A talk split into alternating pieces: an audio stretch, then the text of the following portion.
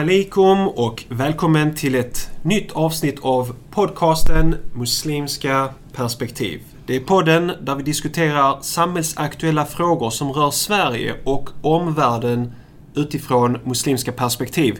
Islamakademin och Tahara.se sponsrar denna podd. Jag heter Salih Tufekcioglu och tillsammans med mig har jag idag Salahuddin Barakat. Salam alaikum. Wa alaikum salam wa rahmatullah. Jag hörde att du inte mådde så bra, men att du är på bättringsväg. Ja, jag varit lite förkyld. Ja, okej. Hur känns Det, det, det nu? hör väl till februari har jag förstått.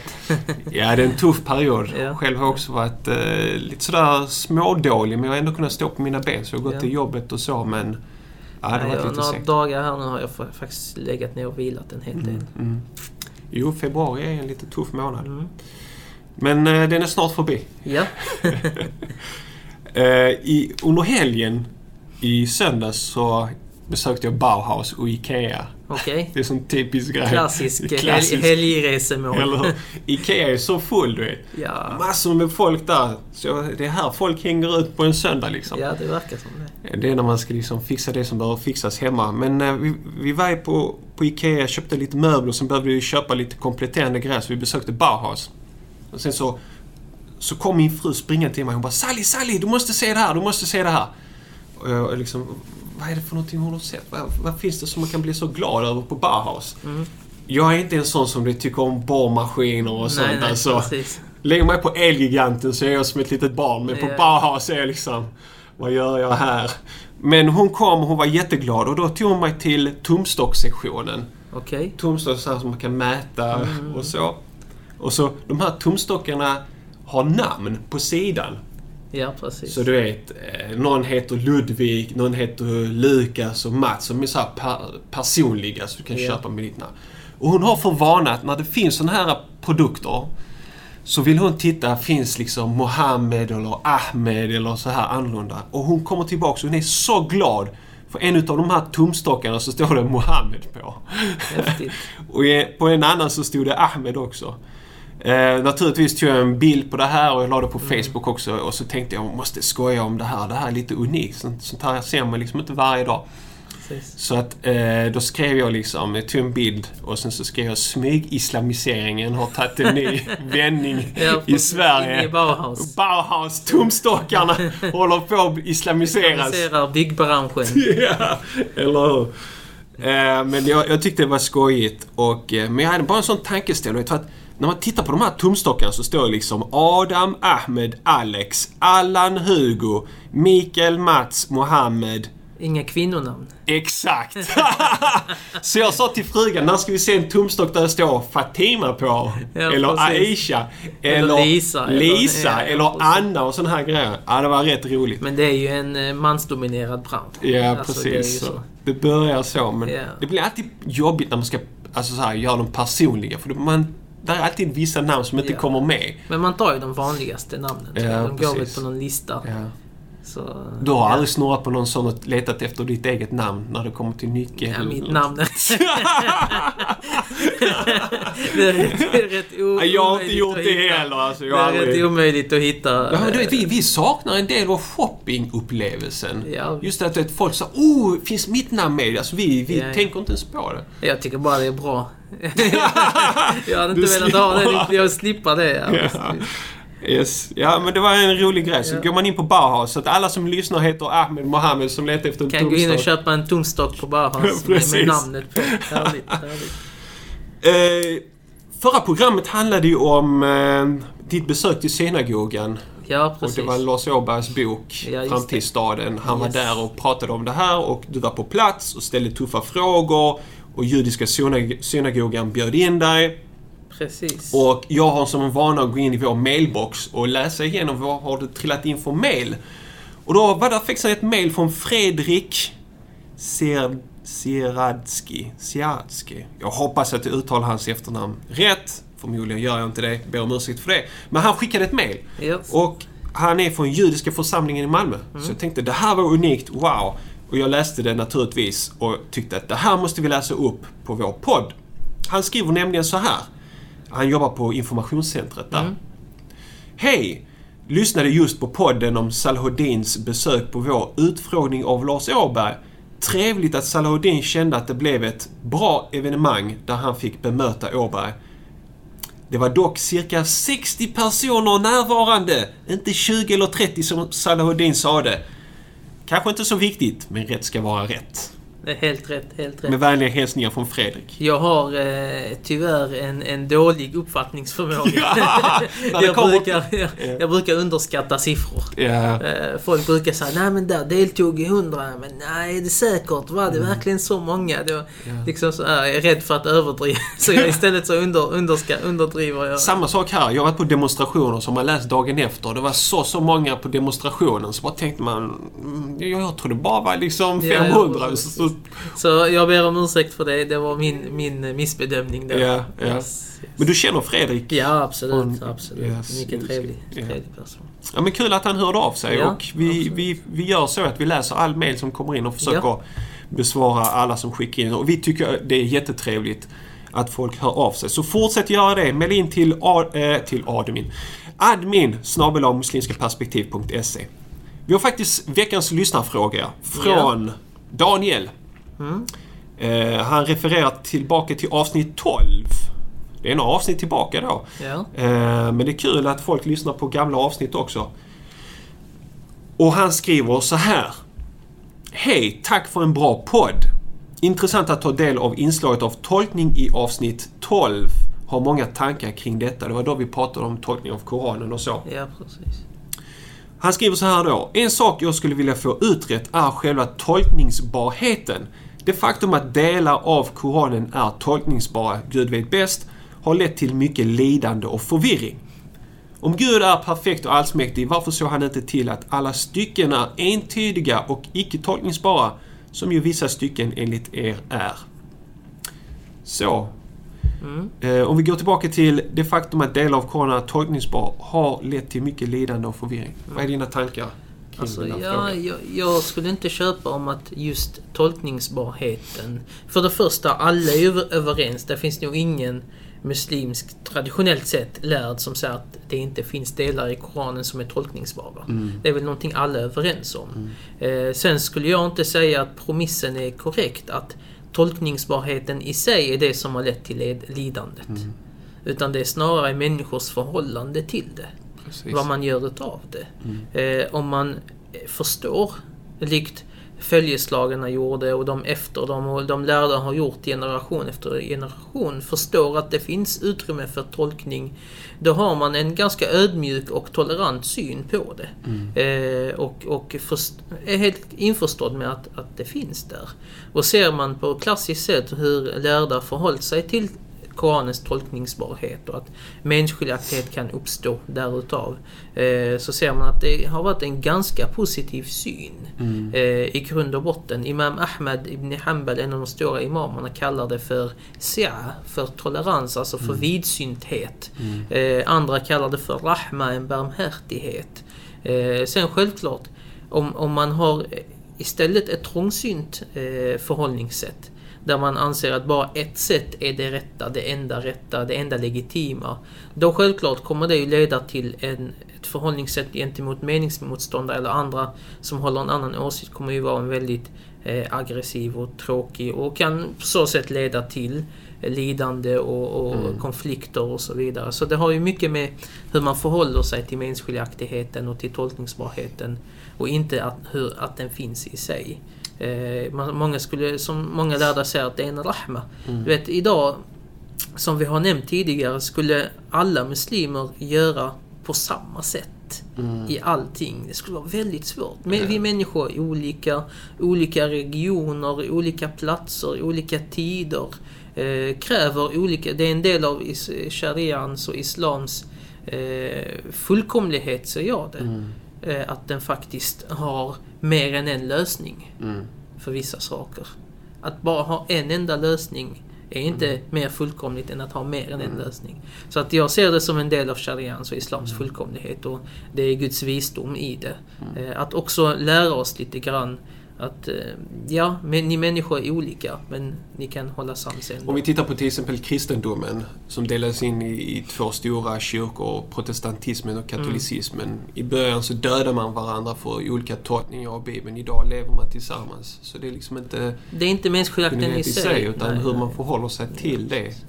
Och det är inte, särskilt inte tolk, tolkningsbarheten. Alltså att den, den, i, den i sig eh, är ju neutral på något sätt. Mm. Det är vad man gör utav den Mm. som är, blir det relevanta. Mm.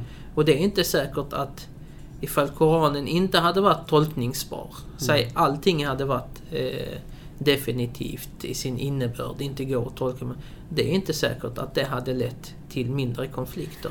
Man hade kanske hittat andra saker att göra konflikt Ja, ja, om eller andra aspekter att göra konflikt om. Sen, Jag, jag tänker också sen på... är det inte verklighetsfall. Jag, jag tror inte man kan komma till en punkt där alla tycker likadant. Nej, människan har fri vilja och eh, man har olika förutsättningar för tankarna och så. Jag menar, vi har, vi har lagboken där jurister skriver i detalj och så att en dag tolkar man lagarna Absolut. på olika sätt. En Absolut. advokat säger så här, den andra säger så här och så tar man det i en domstol.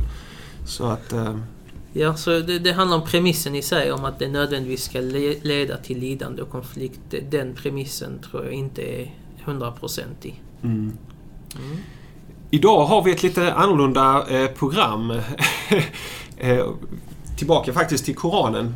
Jag, jag tänkte att eh, vi skulle se hur, hur vi förhåller oss till Koranen och hur vi liksom funderar och tänker kring Koranen i vårt dagliga liv och arbete. Mm. Och därför pratar vi om att vi skulle lyfta tre koranverser som är viktiga för oss i vårt arbete just nu.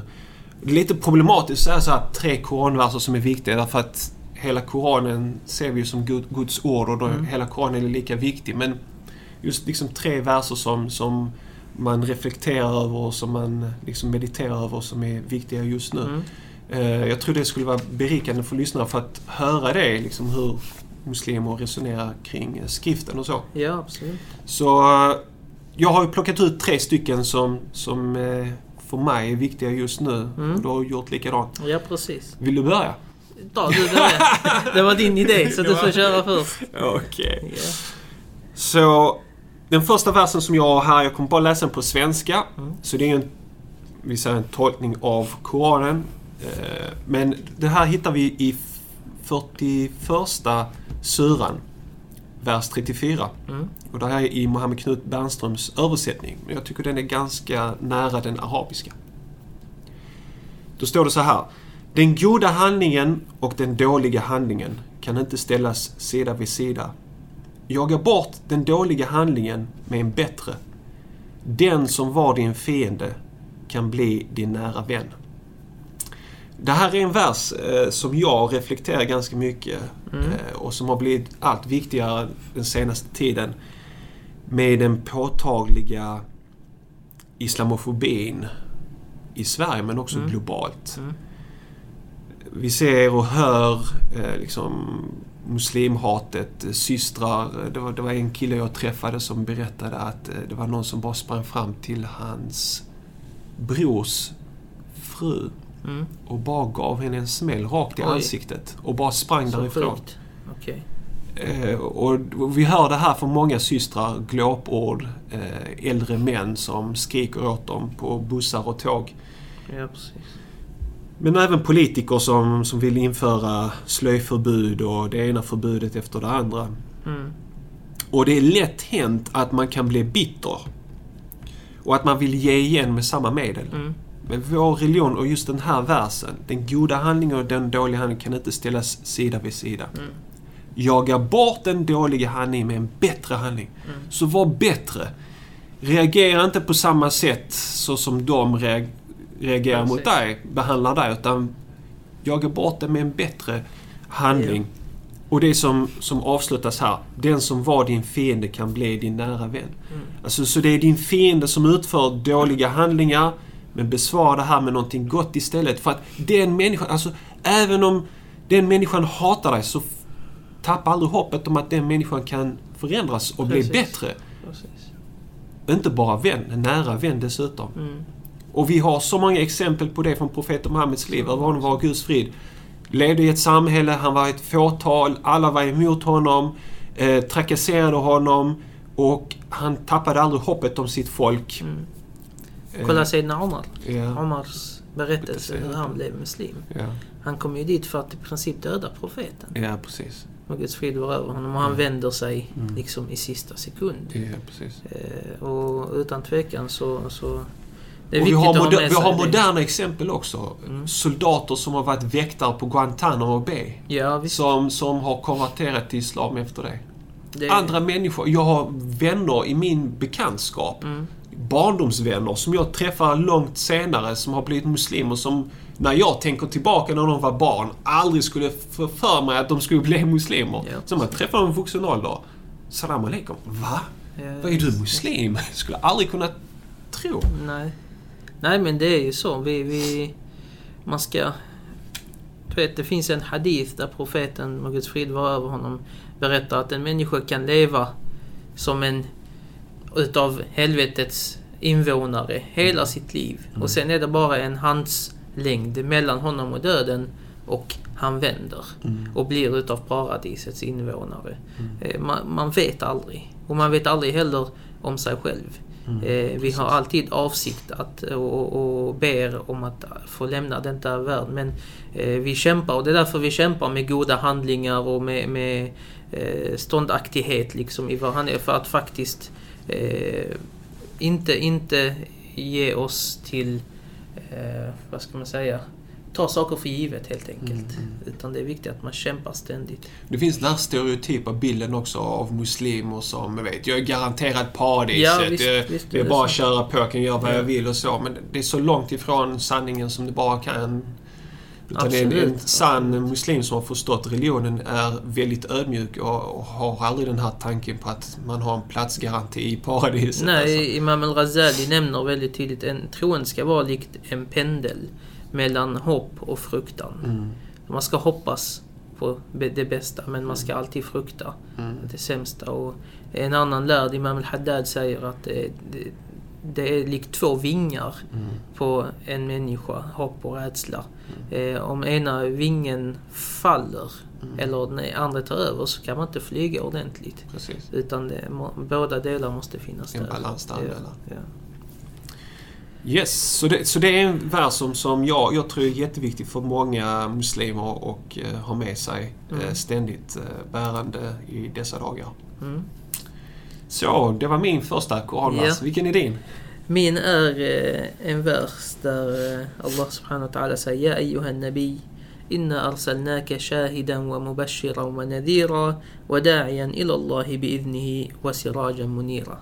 Tolkningen är då O profet, vi har sänt dig som ett vittne och en givare av glada budskap och en varnare. Någon som kallar till Gud med hans tillstånd och ett lysande ljus. Och eh, denna är, handlar ju... Gud talar till profeten och Guds frid vara över honom och förklarar lite grann hans uppgifter. Vad det är hans, hur, vad han är sänd med, i vilket syfte han är sänd till världen. Och många av verserna i Koranen som talar just till profeten och Guds frid vara över honom talar om hans syfte i världen, hans plats i vad hans uppgift är, hans uppgifter är. Vi har annan vers som säger vi har inte sänt dig som annat än barmhärtighet till hela skapelsen, till hela universum. Men just den här tycker jag är väldigt viktig. Dels för att den påminner mig om eh, profeten och profetens ställning och kärleken till profeten och hur, mycket, hur värdefull han är och hans budskap faktiskt är. Eh, och dels påminner det mig om hur jag bör vara. Mm. Eftersom detta är en del av, en del av Islam är att försöka emulera, försöka ta efter och eh, likna eh, Guds sändebud och Guds frid vara över honom, eh, både i det inre och det yttre. Och han är då sänd som ett vittne, som en som ger glada budskap, en varnare, en som kallar till Allah och slutändan, och det som jag tycker är den, den vackraste delen, Mm. Sirajan Munira. Mm. Alltså ett, eh, en lysande lykta, upplysning. Mm. Och för mig så bör muslimen vara både upplyst och lysa upp andra. Mm. Eh, det är väldigt viktigt, särskilt i en tid som denna, där man märker väldigt mycket hat och mörker och Mm. aggression, så är det viktigt att faktiskt agera som ett ljus i världen och att eh, förstå som muslim att ljuset är profeten Muhammed wasallam och hans budskap. Eh, Koranen, det han kom med. Det är därifrån vi får upplysning. Det är därifrån vi får vägledning och ljus i vår vardag. Det känns också som att vi fin- befinner oss i en dag där människor, däribland muslimer, letar lösningar för våra problem höger och vänster. Eh, man försöker hitta lösningar på problem överallt annat än att gå in i profetens ljus och söka eh, vägledning i ljuset där. Eh, Man läser böcker och teorier och allt med massor. Och kan terminologi som är avancerad och man kan diskutera dag ut och dag in. Men man har inte det, minst, det mest basala. Kunskapen och förståelsen för vad ljuset är. Det här verkliga ljuset som är sänt från Gud. Inte från människor har kommit fram till till höger och vänster. Inte för att förringa det. Människors erfarenhet och, och framgång och utveckling och forskning är allt bra.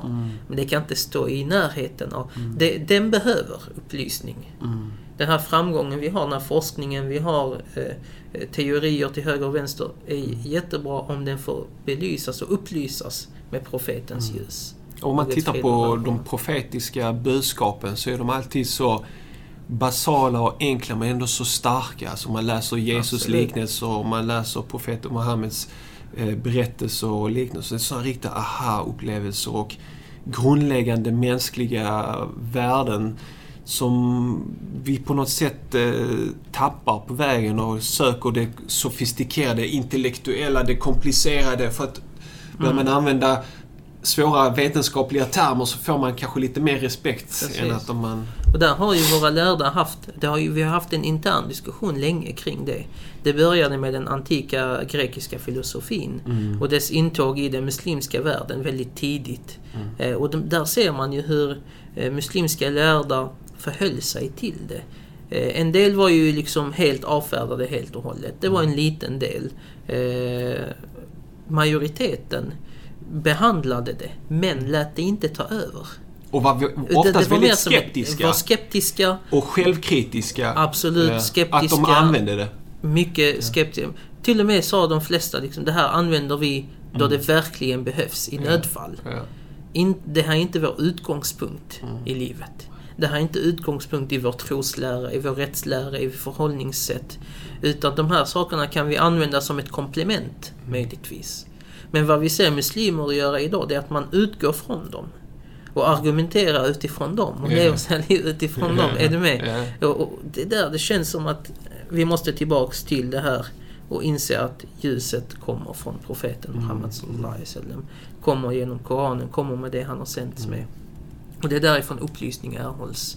Eh, Det är inte Jean-Jacques Rousseau eller Voltaire eller någon annan utan vår upplysning kommer genom profeten Ja. Muhammed sallallahu alaihi wasallam.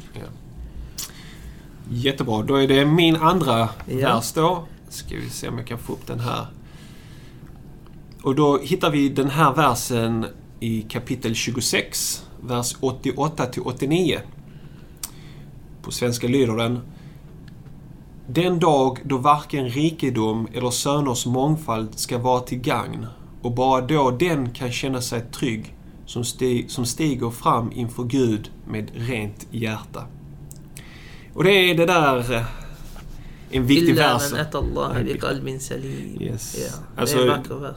Mashallah. eh, många lärda citerar den här och eh, det är så lätt att man dras in i det världsliga och eh, antingen är det jobbet som kräver ens uppmärksamhet eller ens karriär då i samband med det eller så är det annat världsliga ändamål som får en att glömma bort eh, att man en dag ska stå inför Gud och Mm. det viktigaste är att man har ett rent hjärta. Och det, den här versen är extra viktig för mig. Mm. Att alltid bli påmind om det, om det här. Ja, det är också en av mina faktiskt. Eh, Mm. Väldigt, ja. Den är, Och den ju, är, just, just det där att jobba med hjärtat, Mm. jobba med de inre värdena. Mm. Jobba mot... Inifrån ut. Precis. Inifrån ut. Ja. Att jobba mot avundsjuka, eh, Högmod. högmod eh, okunnighet, okunskap, arrogans, alla de här Ja. dåliga sakerna som... Och just, just att man ska stå inför, inför Gud. Ja. Veta att det finns ett liv efter det här. Man, man, man tror nästan att man kommer leva här för evigt. Liksom. Mm. Det är också handlar om vårt inre välmående. Det finns en annan vers som säger Alla bidhikrillahi tatma'innul qulub. Mm. Eh, Alladhina amanu wa tatma'innu qulubuhum bidhikrillah. Alla bidhikrillahi tatma'innul qulub. De som man tror, de som har tro och eh, vars hjärtan finner eh, ett menän, alltså nöjsamhet, frid Mm. i Guds erinran, i åminnelsen av Gud. Mm. Sannerligen är det i åminnelsen av Gud som hjärtan finner frid, Yes. säger den här versen. Och den är... Och, det, eh, och det är det de lärda har sagt, klassiska lärda som har sagt det här att hade härskarna känt till den sötma som vi får ut av det här, Precis. den, den harmonin och den känslan, så hade de gått ut och krigat med svärden för det här. Yeah. Men du vet, idag sker krig för naturtillgångar, makt och Precis. allt det här. För att Pengar, de tror att värdet... Yeah. Yeah. Men hade de känt till det riktiga så hade de jagat... ja, absolut. Och det, det, den hör faktiskt ihop med min, min andra vers. Okej. Okay. Som eh, Innan man mu'minuna alladhina idha dhukira Allah wajilat qulubuhum wa idha tuliyat alayhim ayatuhu zadatuhum imana. De troende, vilka är de?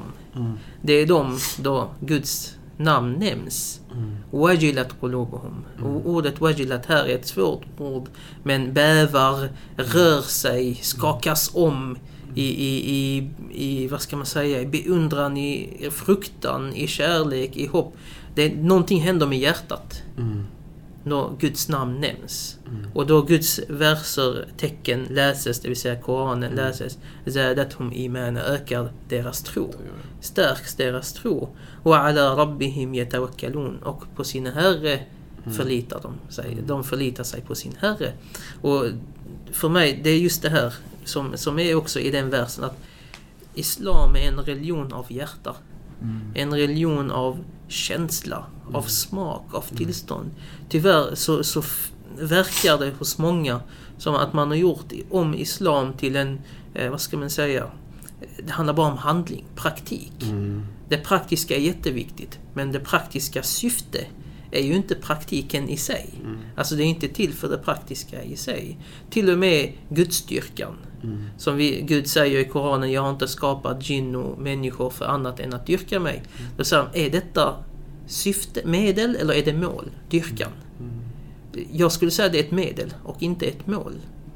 Varför? Jo, för det finns en hadith i Sahih Bukhari. Där, som en hadith Qudsi då. Där eh, Allah säger att det när, eh, profeten berättar då att Gud säger att min tjänare drar ständigt nära till mig genom sin obligatoriska tillbedjan. Och de drar ännu närmre, ständigt närmre genom den frivilliga tillbedjan. Så tillbedjan är ju till för något annat som är ett närmande. Ja, Och, eller hur? Och när de närmar mig, vad händer då? Mm. Då älskar jag dem, säger Gud. Mm. Och när jag älskar dem så blir jag synen de ser med, öronen de hör med. Det är en relation handen- till Gud. Precis. Och, och det, det blir någonting, och det är inte att, vi tolkar det ju inte ordagrant Nej, att nej. Gud blir människan på något sätt, utan det blir att man ser för Guds skull och talar Mm. för Guds skull och hör för Guds skull. Man lever ett liv genom Gud, Mm. med Gud. Och, och det är den, den eh, samma sak den här versen här att det här tro, Guds åminnelsen, eh, Islam, religiositeten i Islam handlar inte det manifesterar sig, dess verklighet manifesterar sig i det inre. Mm. När du smakar trons sötma, finns det i vissa hadither. Mm. När du känner hjärtat skakar om Mm. när du hör Guds namn. Det är så du inser att okej, nu börjar jag förverkliga min tro. Inte att du klär dig i en fob och sätter en mössa på huvudet och ett långt skägg och så vidare. Det, det stannar inte där, det där var ett medel. Mm. Men det, alltså oftast får man den här uppfattningen av att andra som ser på muslimer som inte har så mycket kunskap ser det mer som att muslimer är som robotar, de är lagbundna, de måste göra så här, det finns inget hjärta. Jag tror Den- inte det är bara andra, jag tror muslimer själva. Och alltså jag känner bilden. det många Ja, ja, muslimer. Ja, alltså, absolut, idag tyvärr. Mm. Gud, Alltså, om du, vad är de flesta frågor man får om idag? Mm. När man är ute och föreläser. Så, ja, är detta tillåtet? Är det inte tillåtet? Ja. Kan jag göra så? Kan Ja. jag hålla händerna där? Och så. Vilket absolut är viktiga saker. Må- Huvudmålet med koranstudier är att lära sig så många kapitel utan till Ja, utan att precis. egentligen ha reflektera och... Känna någonting Känna. i hjärtat. Ja. Den här känslan i hjärtat, den här smaken som vi alhamdulillah många får känna och får erfara. Jag tror att många missar den. Mm. Den här versen är något som påminner just att det är så starkt att de...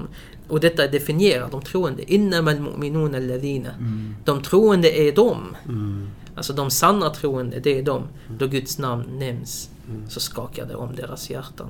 Det, det, det, ja, hjärtat i fokus igen. Yes. Eh, Då tar jag min sista, Mm. tredje vers och den här hittar vi i Sura 3, vers 185. Varje människa skall smaka döden. Men först på uppståndelsens dag ska ni få er fulla lön. Den som då rycks bort från elden och förs till paradiset har sannoliken vunnit en stor seger. Livet i denna värld skänker bara bedräglig glädje. Eh, viktig vers för mig. Mm. Eh, jag träffade en vän, vi pratade om religion och han sa till mig att jag känner inte något behov av en religion. Alltså jag, jag mår bra, jag är lycklig, Mm. saker och ting går bra för mig. Jag är inte i behov av en religion. mm, Och jag sa till honom, jag kan förstå hur du tänker.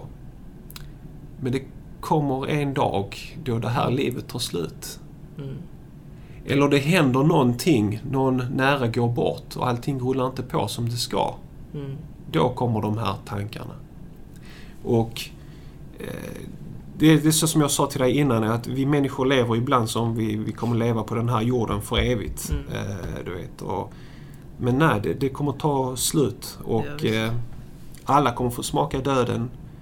Och det viktigaste av allt är livet efter detta. mm. Även de som säger så. Mm, Hur verklig är deras glädje och deras lycka? mm. Jag menar, dra bara undan lönen från dem. Ja, precis. Förlora jobbet. Mm. Ja, det, Hur reagerar man då? Mm. Och är det verklig, är det verklig lycka då? Egentligen? Är det verklig rikedom? Där man är beroende för att känna den här glädjen och lyckan av föremål. Ja. För mig är det inte verkligt. För mig är det en falsk lycka och falsk eh, Mm. glädje. Eh, en sann lycka och sann glädje är någonting man ska kunna känna egentligen oavsett ens materiella väl, välstånd. Mm. Det är någonting du ska, som människa, det är någonting i människan och mänskligheten. Det är en del av ditt människovärde. Mm. Men när du binder hela din lycka till världsliga ting, då, ja. En, en sak som fick mig att reflektera också. Jag vet inte hur jag kom in på det. Jag surfade på internet och då hamnar man på en massa länkar och sånt. Men jag hamnade liksom Sean Connery. Känner du, känner du till Ja. eh, skådespelaren? James Bond. Ja, den gamla. James Ja, Bond. ja. Jag vet, om man tittar på de gamla Bond-filmerna, vet du hur cool han var egentligen man. Stilig. Ja, ja. Får alla kvinnor.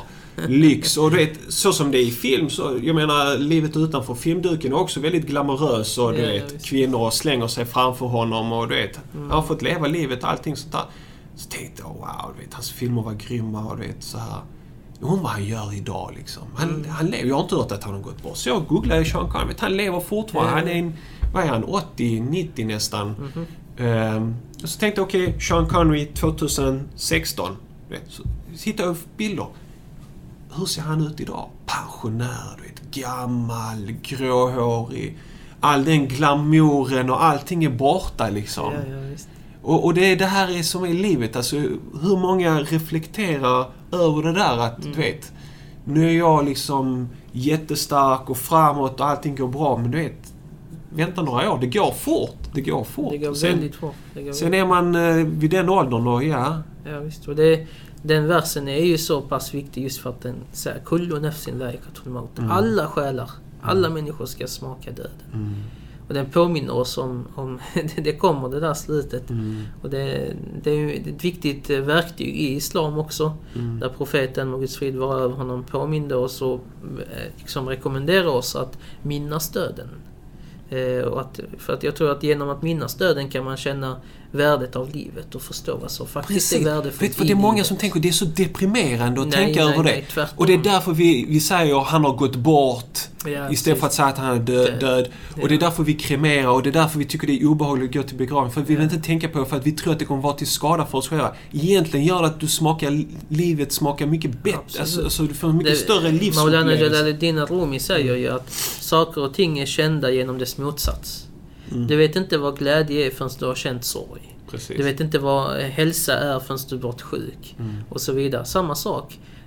Några för, förklarar, några lärda inom Tasawuf förklarar att varför finns eh, döden? En av visdomarna är just för att vi ska förstå värdet av livet. Mm. Det kan du göra redan i detta liv av att minnas döden. Men när vi ska smaka döden, då kommer vi förstå hur värdefullt livet var och vara tacksamma på ett sätt som vi inte kan vara annars. Och det, det är en förberedelse inför det eviga livet eh, samtidigt. Så att det, det är ju en, ett väldigt viktigt verktyg tror jag för att kunna jag brukar säga till folk som när de tjafsar med sina familjer, syskon, vänner och så här. Tänk på döden. Mm. Föreställ dig att du dör om 5-10 minuter. Är det det här tillståndet du vill lämna världen i? I konflikt med dina närmsta? Är det så svårt för dig att förlåta någon annan? Precis. Bagatellsaker. Mm. Tänk dig att du lämnar huset nu och inte kommer tillbaka igen.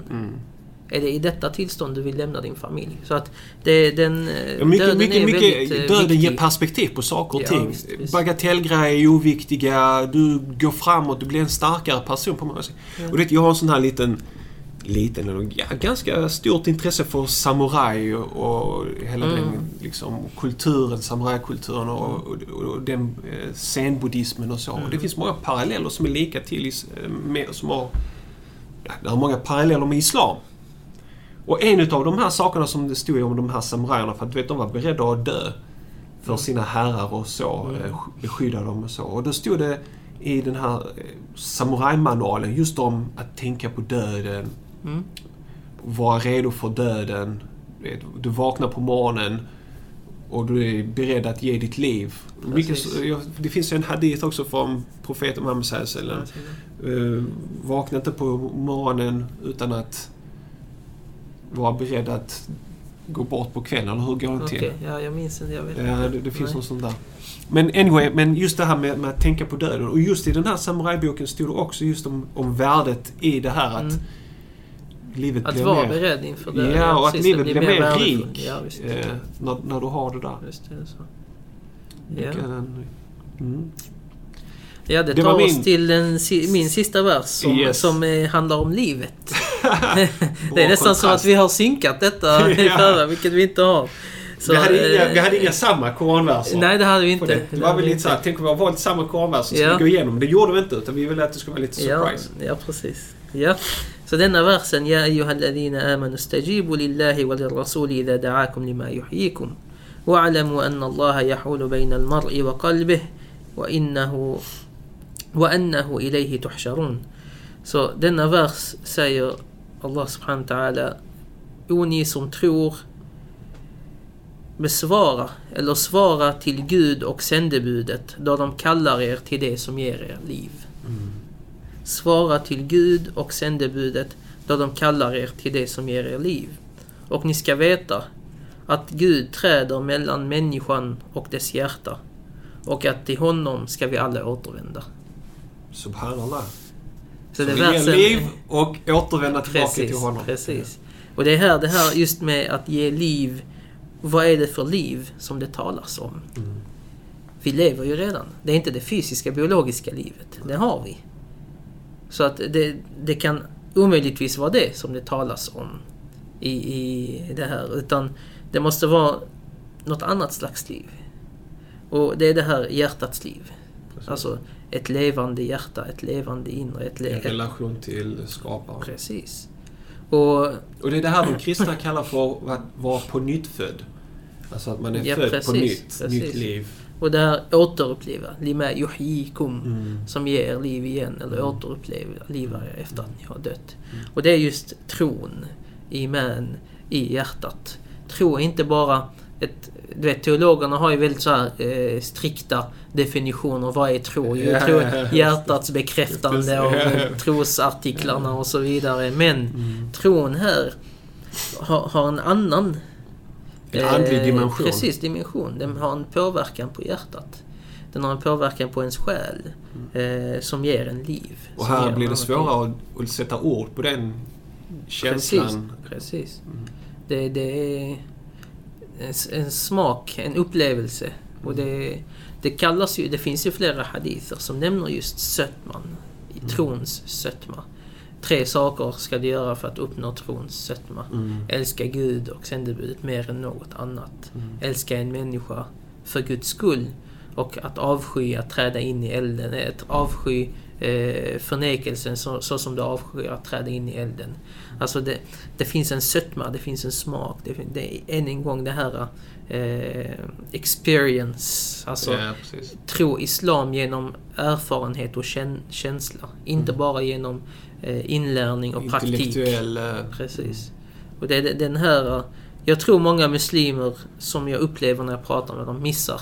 Den här delen. Erfar inte den här delen. Och, och de som erfar den känner senare att religionen har blivit till rutin. Ja, De känner inte det längre. De har precis. tappat det. Och de är på jakt efter den Ja, visst. visst. känslan. Visst. Vad är din råd till en sådan person?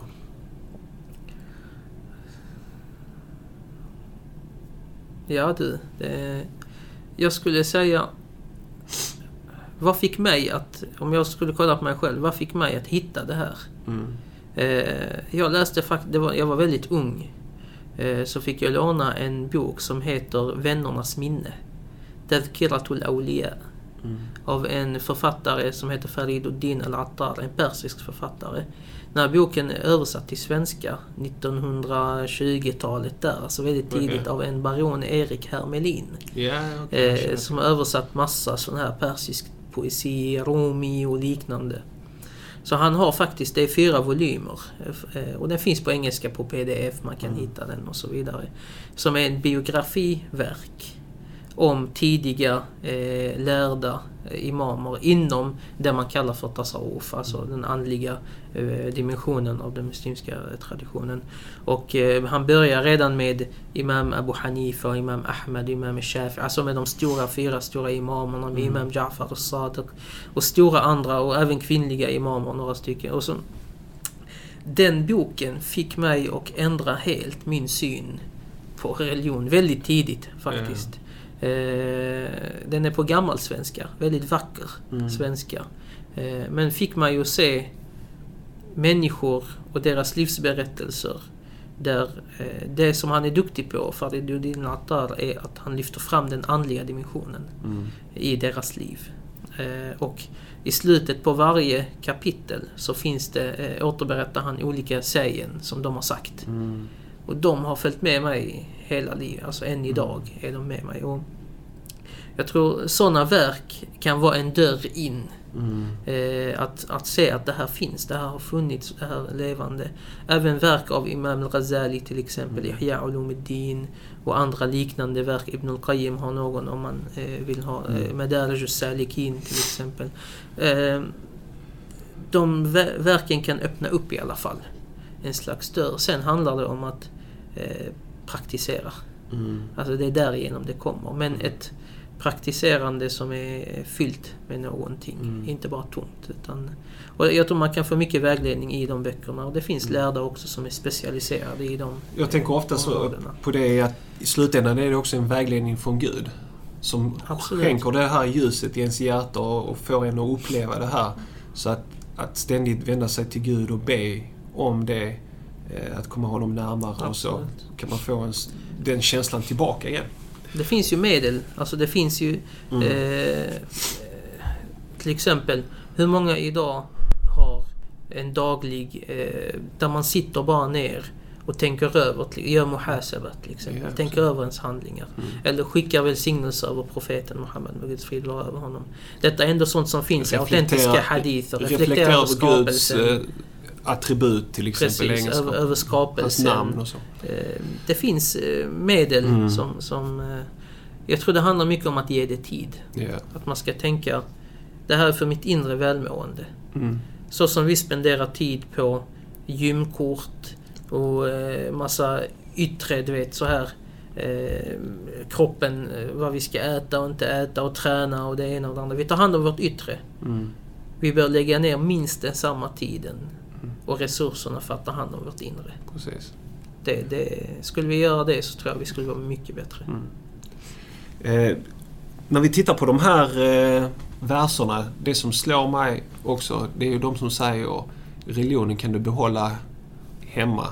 Här Mm. ute så är man något annat. Det är Ja, den här precis. sekulära... Sekularismen. Ja, precis. Och, och, jag, jag, jag hoppas att de som har lyssnat på oss och har hört oss reflektera över de här koranverserna förstår har en förståelse för varför vi inte kan lämna vår tro hemma. Utan den följer Mm. med oss var vi än befinner oss och genomsyrar vårt liv. För att religionen är inte något man bara tar på sig och tar av sig Nej, i en kyrka eller moské eller hemma. Utan det är något som är... Det är därför jag vet inte ens om religion, du vet om det ordet kanske är det bästa i, i att beskriva Mm. för ateister. Jag tror kanske livsåskådning Ja, kanske är bättre för att de ska kunna förhålla, förstå. För att de har ju också en livsåskådning. ja. Nu är den ateistisk sådan, men det är ändå, och den kan inte de lämna hemma. Mm. Så det kanske är sånt enkel, en sån enkel sak som att ändra på begreppet bara. Att Ja. Religion är... Det är sånt man läser i skolan i en bok. Och det är jag inte tror så att det är personligt begreppet att kanske. det, ja, precis. Mm. Jättebra. Det har varit ett lite mer uh, djupgående, så här lite Ja, mer, eh, mer andlig eh, avsnitt. Men det är helt okej. Mm. Jättefint. Vi vill gärna veta vad våra lyssnare tycker om det här avsnittet, om de här koranverserna som vi har gått igenom. De kanske har sina egna koranverser som de reflekterar över och skulle jättegärna vilja veta om de verserna i så fall. Gå in och kommentera det på vår eh, hemsida muslimskaperspektiv.se. Gå in på avsnitt nummer 20 och skriv in era kommentarer där. Och om du tyckte om dagens avsnitt skulle vi uppskatta om du tog 2-3 minuter och eh, gick in på iTunes och eh, gav oss ett betyg där eller recensera oss på iTunes. Mm. För om ni gör det så poppar vår podcast upp. Den klättrar upp så det blir lättare för folk att hitta vår poddavsnitt. Okej, intressant. Så om ni vill visa tacksamhet till mig och Salahuddin för våra avsnitt här så gå in på iTunes och skriv en recension. På så sätt hjälper det oss att nå ännu fler lyssnare. Och har du frågor, tips eller vill komma i kontakt med oss gör du detta lättast genom att mejla oss på admin, eh, admin muslimskaperspektiv.se Till sist vill vi tacka våra sponsorer Islamakademin och Tahara.se. Och tack för att du har lyssnat och på återseende. إله